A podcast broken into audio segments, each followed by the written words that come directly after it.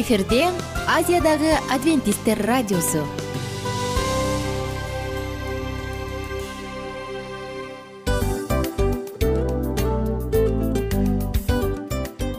Достор салют.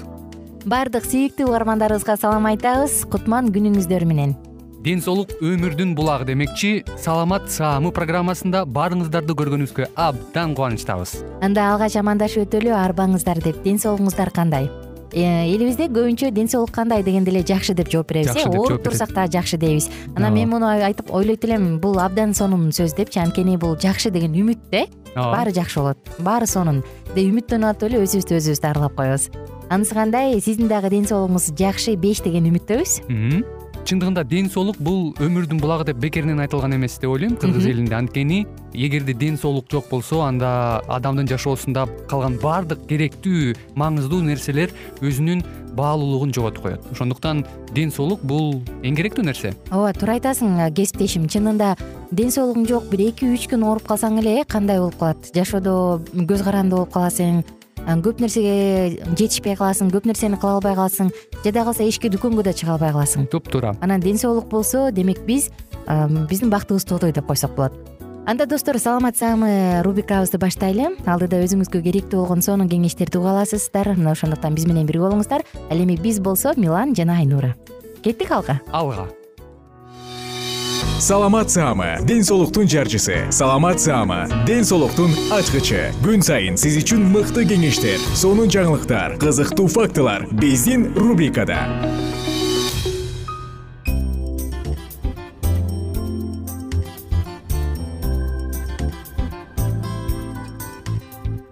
Салам достор. Жалпы биздин сүйүктүү угармандарыбызга ысык салам. Жана бүгүн сиздер менен бирге кан басымын төмөндөтүңүз кан басымын түшүрүңүз деген теманын үстүнөн сөз кылганы турабыз өзүңүздүн кан басымыңызды билесизби? Негизи бул төмөнбү нормалдуу же жогорубу?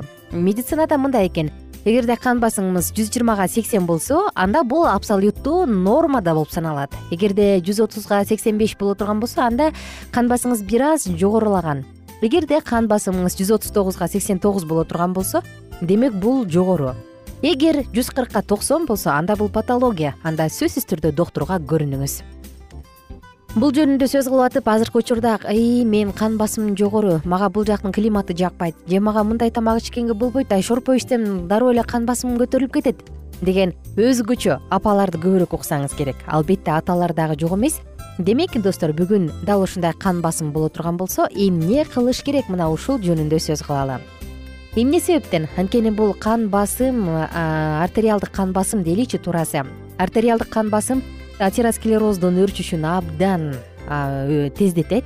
Андан тышкары мээде кан айланууну инфаркт миокардтын баардыгын басаңдатып жок кылып адамды жок кылуучу оору. Кан басым кандын айланышы мээде бузулат анын негизинде инсульт инфаркт миокардтын баардыгы тең келет негизи э, кан тамырлар бул сосуддар өтө эле э, жумшак ийилчээк келет э баарыбызга белгилүү болгондой. Кичине эле бир аз кыйынчылык жара турган болсо ал жакта э, көйгөйлөр жаралат дагы анын акыры олуттуу болушу мүмкүн натыйжасы же болбосо керек болсо өлүмгө чейин барат. Эми достор жогорку кан басым жөнүндө айтсак жогорку артериалдык кан басым көп учурга чейин сезилбейт. Мында адам өзүн жакшы сезип кан басымы нормада эле жүрө бериши мүмкүн бирок бирок кан басымды даана билиш үчүн эки колдон тең текшериш керек. Эки жакта тең окшошпу кандай болуп атат? Анан да эгерде жогорулаганын байкай турган болсок сөзсүз түрдө тамактануу рационун жана жашоо образын толугу менен алмаштырыш керек. Кандай кылып? Кызыкпы сизге? Анда биз менен бирге болуңуз. Алдыда кызыктын баардыгын айтып беребиз. Достор сиз кайсы зонадасыз? Нормалдуу жогорулаган же төмөнкүбү билгиңиз келеби? Келиңиз анда бизди жакшылап угуңуз көпчүлүк учурда алтымыш жаштан ашып калган адамдардын гипертониясы гипертониялык оорулары көбүрөөк кездешет э? Кан басымдары жогорулап калат бир аз бир нерсе болсо сезгич болуп бат эле кан басым жогорулап башы ооруп калат колдору чымырайт. Айтор мына ушундай. Анан өзгөчө ашыкча салмакта болгон адамдар дал ушул ооруга ушул көйгөйгө көбүрөөк жалдыгышат эми биз сиздер менен андан ары сөз кылсак эң биринчи эле кезекте эмне кылыш керек эгерде сизде жогорку артериалдык кан басым болсо? Стресстен качыңыз стресс жүрөктү бат бат согушуна алып келет. Мына ошондуктан э, өзүңүздү сактагыңыз келсе кан басым жогорулап кетпешин кааласаңыз анда стресстен качыңыз. Кийинки кезекте чылымдан алкоголдук ичимдиктерден кофеден толугу менен баш тартыңыз достор. Булардын баардыгы сиздин жүрөгүңүздү отургузат жана албетте жогоруда айткандай артериалдык кан басымды жогорулатат. Ошондой эле достор жаныбарлардын майынан алынган тамак аштарды негизи эле эт жумуртка сыр сыяктуу тамак аштарды болушунча жебегенге аракет кылыңыз. Катуу сырды жебеңиз. Өсүмдүк майларыбы майдан алынган малдан алынган майбы бул нерселерди жебегенге аракет кылыңыз. Анын ордуна күнүнө жок дегенде төрт жүз грамм жаңы жер жемиштерди жашылчаларды жеп койгонго аракеттениңиз жана ошондой эле өндүрүлгөн буудайдан азыктанын мөмө жемиш жашылчаларды уруктарды жаңгактарды жеңиз. Булардын баардыгы сиздин ден соолугуңузга абдан чоң салым кошот. Негизги майдын булагы катары зыгыр майын колдонуңуз. Оливковое масло деп коет эмеспизби зыгыр майын. Жана андан сырткары күнүнө эки үч даана чеснок же болбосо сарымсак жеңиз жана чесноктун экстрактын ичиңиз капсулаларын ичиңиз айтор булардын баардыгы сиздин ден соолугуңузга жакшы таасирин тийгизет. Тамак аш жөнүндө сөз кыла турган болсок тамактанууда тузду өтө эле ченеңиз. Негизи адамдын бир күндүк нормасы бул алты грамм ал эми тилекке каршы азыркы учурдагы адамдардын көпчүлүгү он төрт граммга чейин суткасына кабыл алышат. Бул нерсени өтө эле төмөндөтүңүз. Бул сиздин ден соолугуңузду сактаганга жардам берет. Жана достор кадимки эле активдүү физикалык дене көнүгүүлөрүн жасаңыз сизди аябай тердете тургандай кылып кара тер кылып эле алка шалка түштүм деп коет эмеспи? Дал ушул алка шалка түшө тургандай кылып физикалык дене көнүгүүлөрүн жасаңыз. Бул дагы сизге жардам берет. Саатына үч алты километр ылдамдыкта басыңыз отуз беш кырк мүнөт күнүнө беш жолу басып кое турган болсоңуз бул сизге жардам берет ошондой эле достор дагы кийинкиси жагымдуу боло турганы регулярдуу түрдө саунага барыңыз деп айтат элек. Бул чындыгында абдан текшерилген ыкма анткени саунада адам өзүн бош сезет бошоңдойт кан тамырлары жооноет анан бул болсо албетте артериалдык кан басымдын төмөндөшүнө алып келет. Эгерде сиздин кан басымыңыз өтө жогору эмес мындай бир аз гана жогору болгон болсо барсаңыз болот. Эгерде сизде башка жүрөк оорулары бар болсо анда барбай эле сактаныңыз. Салмак таштаңыз сиздин салмагыңыз эгерде көп боло турган болсо анда чындыгында мында көп көйгөй жаралат ошондуктан жок дегенде эки үч килограмм арыктап он килограммга чейин арыктаганга аракет кылыңыз. Эки үч килограмм арыктасаңыз бул дагы сизде байкалат. Жана түнкүсүн жакшы уктаңыз. Жетишсиз уйку дагы гипертония оорусунун пайда болушуна шарттайт. Эмне демекчибиз достор? Эгерде сиз мен мунун баарын билген эмесмин эми баштайм сөзсүз десеңиз анда бул нерсени баштаңыз эгерде мунун баарын билип жүргөн болсоңуз анда бүгүн ушул билгениңизди андан ары ишке ашырчу учур келди. А биз болсо угармандарыбызга эмне дейбиз? Достор алдыда биз кийинки уктурууда үй шартында кан басымды кантип төмөндөтсө болот? Ушул жөнүндө сөз кылабыз. Тилекке каршы кан басым жогорулап кеткенде адамдардын колу буттары чымырап жатып калышат э? Эч нерсеге көңүлү келбей кээ бирөө кимдир бирөө кусса кимдир бирөө дагы бир кандайдыр бир патологиялык э, симптомдор пайда болот дагы анан жатып калышат эмеспи. Мына ошондуктан сиздерге кааларыбыз. Эгерде бул нерсе менен күрөшүп жүрсөңүз же жакындарыңызда көйгөй бар болсо анда кийинки уктурууну калтырбай угуңуз анткени кийинкиде биз кантип туура э, алдын алыш керек кантип туура кан басымды төмөндөтүш керек? Мына ушул жөнүндө сөз кылабыз. Жалпы угармандарыбызга ийгилик каалайбыз. Бар болуңуздар бай болуңуздар кайрадан сиздер менен амандашып саатыбызды улантканча оорубаңыздар достор. Анткени сиздин биринчи байлык ден соолук саламат саама ден соолуктун жарчысы. Саламат саама ден соолуктун ачкычы. Күн сайын сиз үчүн мыкты кеңештер сонун жаңылыктар кызыктуу фактылар биздин рубрикада. Салют замандаштар баарыңыздарга ысык салам. Дил маек программабызга кош келиңиздер. Дил маек рубрикасы дегенде эле бул эмне болгон дил маек ким менен маектешебиз деп сурайт болуш керек угармандарыбыз бул рубриканы кыскача тааныштыра кетип турган болсок ар тарап кесип ээлеринен болгон сонун интервью кеңештер бар. Ооба. Жылдыздар менен болгон маек бар.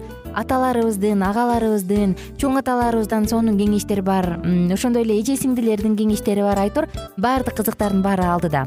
Негизи эле адам баласы бир кимдир бирөөнө ишенип сырын ачкысы келет эмеспи э мындай баарлашууга жакын келебиз го. Албетте негизи бир жерге отуруп алып кенен шашпай баягы жүрөктөн жүрөккө ачып сырларыбызды ар кандай көйгөйлөрүбүз менен бөлүшүп баягы чын жүрөктөн маек курганды кимибиз сүйбөйбүз э? Ооба десең ал нерсеге суусап да келебиз да? Ооба кээ бирде адамга чындыгында баягы э, ысык маек баягы жылуу маек жетишпейт да. Ошондуктан биз ушул рубриканы ойлоп тапканыбызда эң биринчи эле достор сиздер менен чын жүрөктөн бир маңыздуу темаларды козгоп кеткени э, кааладык. Ошондуктан ушундай сонун бир рубриканы тартуулап жатабыз. Анын үстүнө радио дагы сонун дос да анткени э, мындай учурда досуңа айтсаң досуң досуна айтат досу досуна айтат да анан бүт өлкө билип калышы мүмкүн го.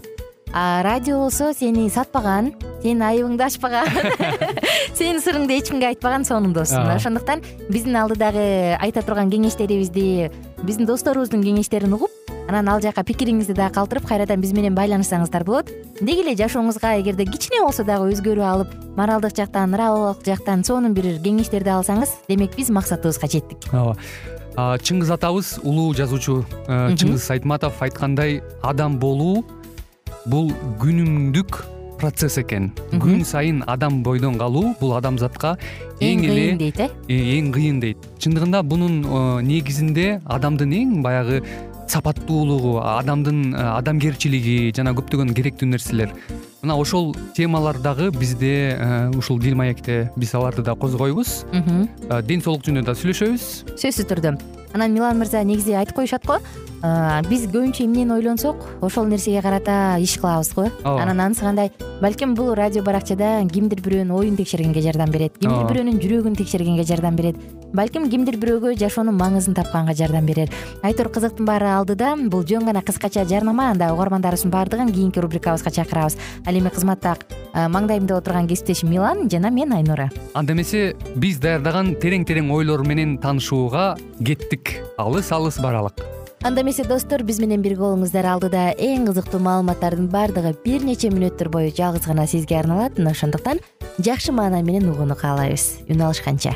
Жөнөдүк ар түрдүү ардактуу кесип ээлеринен. Алтын сөздөр жүрөк ачышкан сыр чачышкан сонун маек. Дил маек рубрикасында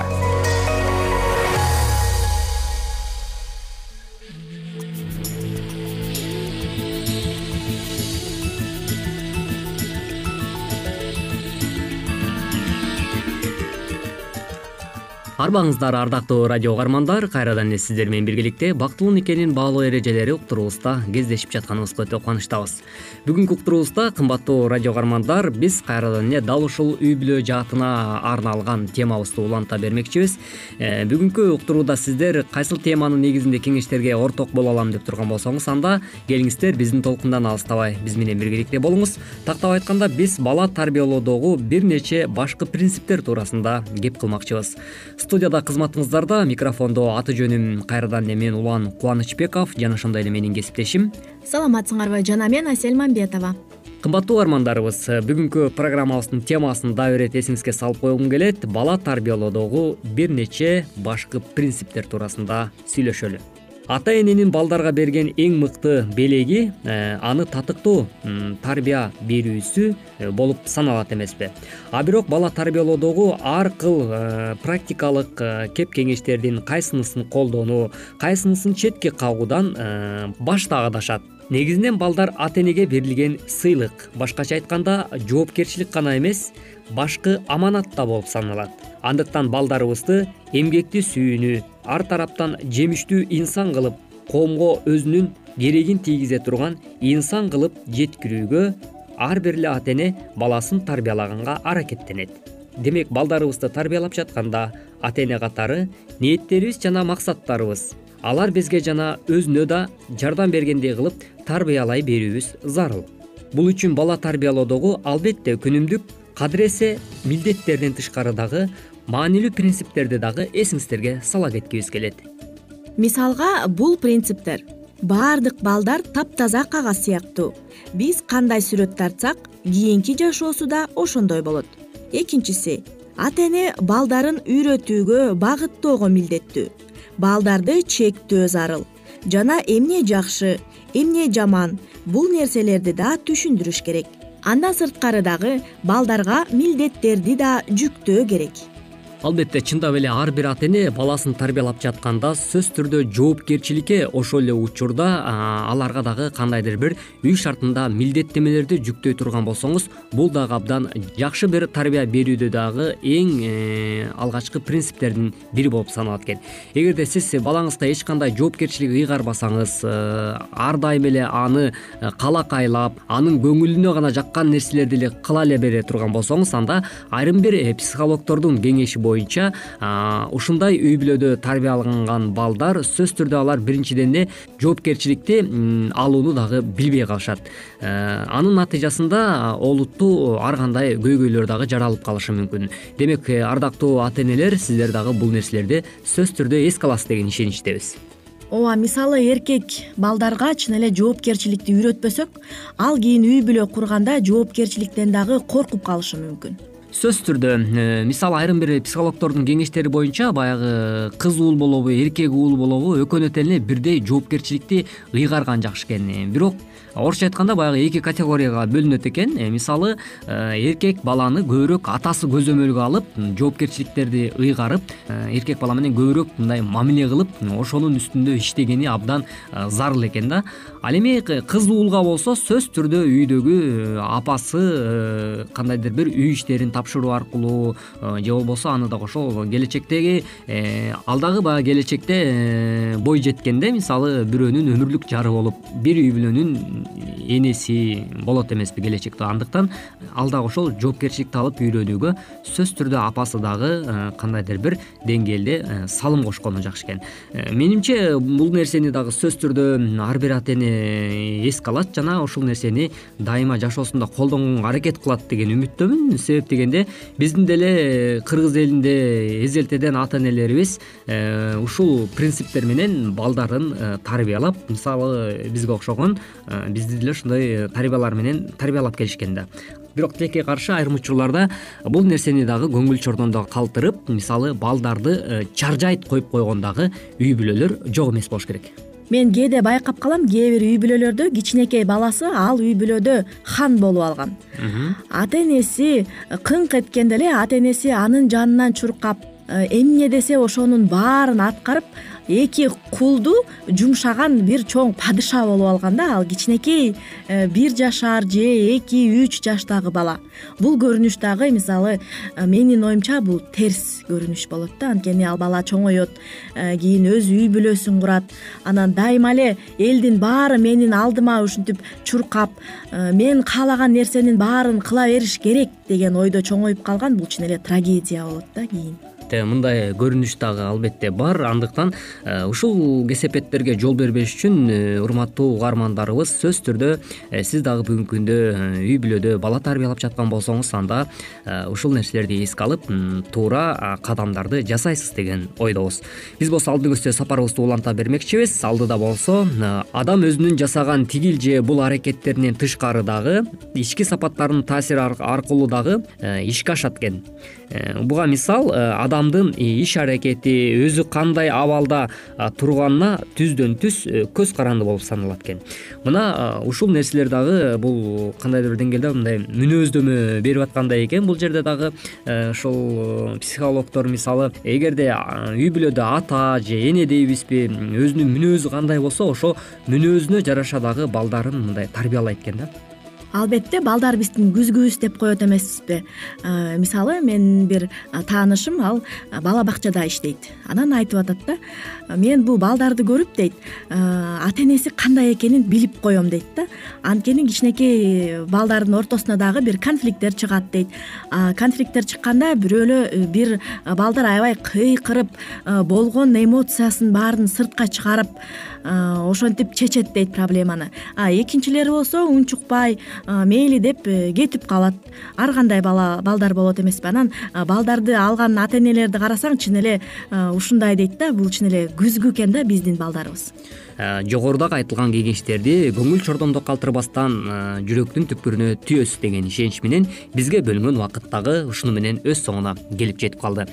Уктуруубузга орток болгонуңуз үчүн рахмат айтабыз. Эмки берүүдөн эле кайрадан кайрадан дал ушул аба толкундан үн алышканча сак саламатта болуңуз. Ар түрдүү ардактуу кесип ээлеринен алтын сөздөр жүрөк ачышкан сыр чачышкан сонун маек дил маек рубрикасында жан дүйнөңдү байыткан жүрөгүңдү азыктанткан жашооңо маңыз тартуулаган жан азык рубрикасы.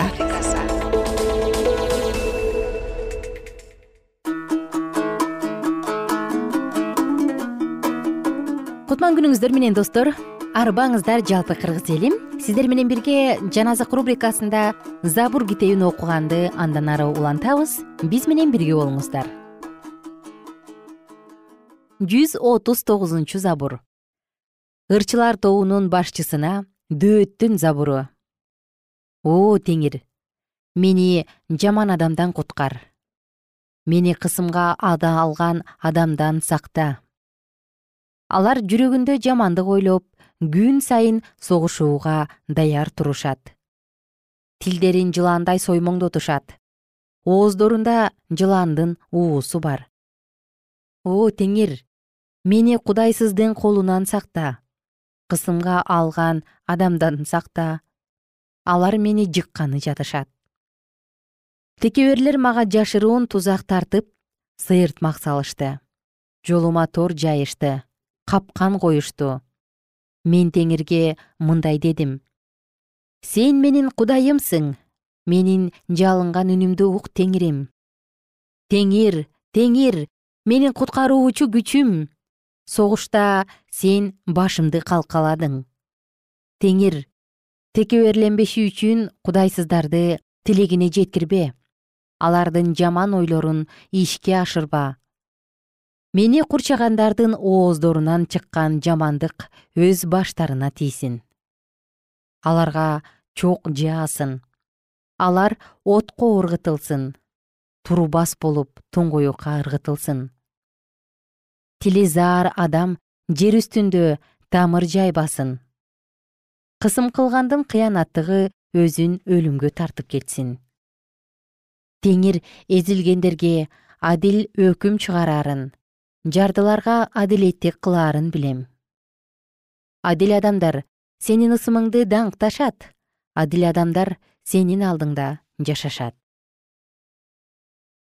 Жүз кыркынчы забур дөөттүн забуру теңир сени чакырам мага тез кел. Сени чакырганымда менин жалынган үнүмө кулак сал. Менин сыйынуум сенин алдыңда фимиамдай болсун. Жогору көтөргөн колдорум кечки курмандыктай болсун. Теңирим менин оозума сакчы кой. Оозумдун каалгасын кайтар. Мыйзамсыз иш кылган адамдар менен бирге жаман иштерге барбашым үчүн жүрөгүмдүн жамандыкка бурулуусуна жол бербе. Алардын чүйгүн тамактарынан даам татпайын. Мени адил адам жазаласын бул ырайым. Мени ашкерелесин бул менин башыма зыянын тийгизбеген эң жакшы зайтун майы. Мен жамандык кылгандарга каршы сыйынам. Асказоону аралап издеп жүргөн алардын башчылары менин жагымдуу сөздөрүмдү угуп жатышат. Биздин сөөктөрүбүз майдаланган топурактай болуп өлгөндөр жаткан жайдын оозунда чачылып жатат. Бирок менин көздөрүм сенде теңирим теңирим сага таянам менин жанымды өлүмгө кыя көрбө. Мыйзамсыздардын мага койгон тузагынан жайган торлорунан сакта. Кудайсыздар өз торлоруна өздөрү түшсүн. Ал эми мен түшпөй өтүп кетем. жүз кырк биринчи забур дөөттүн үйрөтүүсү. Анын үңкүрдө жаткандагы сыйынуусу үнүмдү чыгарып теңирди чакырдым. Үнүмдү чыгарып теңирге сыйындым. Анын алдына жалынуумду төктүм. Ага зар муңумду ачтым рухум алсырап калганда сен менин жолумду билгенсиң. Алар мен жүргөн жолго торлорун жашыруун жайышты оң жагымды карасам эч ким мени тааныбайт. Мен үчүн башка алкалар жер жок. Эч ким менин жаным үчүн кам көрбөйт. Теңир мен сени чакырдым. Мен сага мындай деп кайрылдым. Сен менин баш калкалар жайымсың тирүүлөр жашаган жерде менин үлүшүмсүң. Менин зар муңума кулак сал. Анткени мен аябай алсырап калдым. Мени куугунтукка алгандардан куткар. Анткени алар менден күчтүүрөөк жанымды капастан чыгар. Сенин ысымыңды даңктайын. Мага жакшылык кылсаң тегерегиме адил адамдар чогулат. Жүз кырк экинчи забур дөөттүн забуру теңир менин сыйынуумду ук. Өз ишенимдүүлүгүң боюнча менин жалынуума кулак сал. Мага өз адилеттигиң менен жооп бер. Өз кулуң менен соттошпо. Анткени сенин алдыңда бир да тирүү жан актала албайт. Душман мени аңдып жүрөт. Өмүрүмдү жерге тепсеп нибак өлгөн кишидей караңгылыкта жашоого мажбур кылды. Ошондо ындыным өчүп калды. Жүрөгүм сенейип катып калды. Байыркы күндөрдү эстеп сенин бардык иштериң жөнүндө ойлоном. Колуңдун иштери жөнүндө ой жүгүртөм. Сага колумду сунам. Сууга чаңкаган жердей болуп жаным сага тартылат.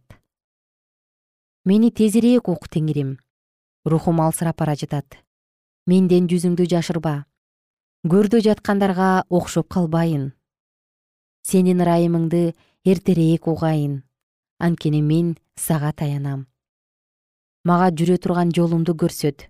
Анткени жанымды сенин алдыңа алып келем. Теңирим мени душмандарымдан куткар сага корголойм. Мага өзүңдүн эркиңди аткарууну үйрөт. Анткени сен менин кудайымсың.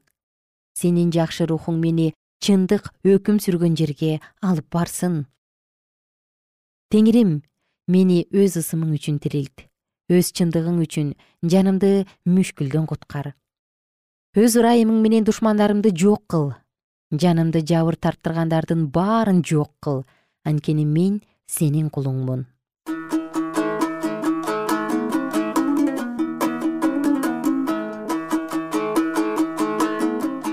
кымбаттуу достор сиздер менен кийинки уктурууга чейин деп коштошчу учурга келдик. Саатыбыздын соңку мүнөттөрүндөбүз күнүңүздөр көңүлдүү улансын бар болуңуздар жана бай болуңуздар. Кайрадан амандашканча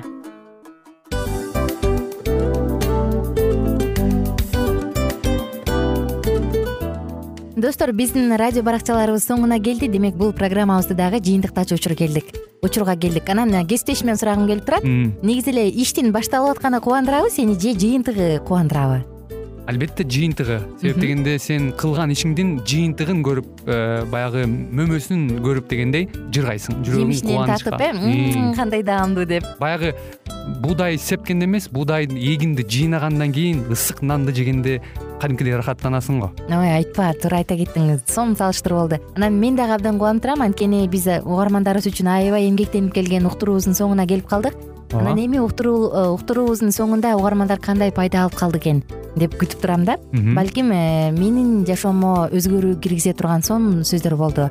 Мен ушул нерсени изилдеп анан кабыл албасам ушул нерсени кылбасам деген чечим чыгарсаңыз анда биз абдан кубанычтабыз. Сөзсүз түрдө.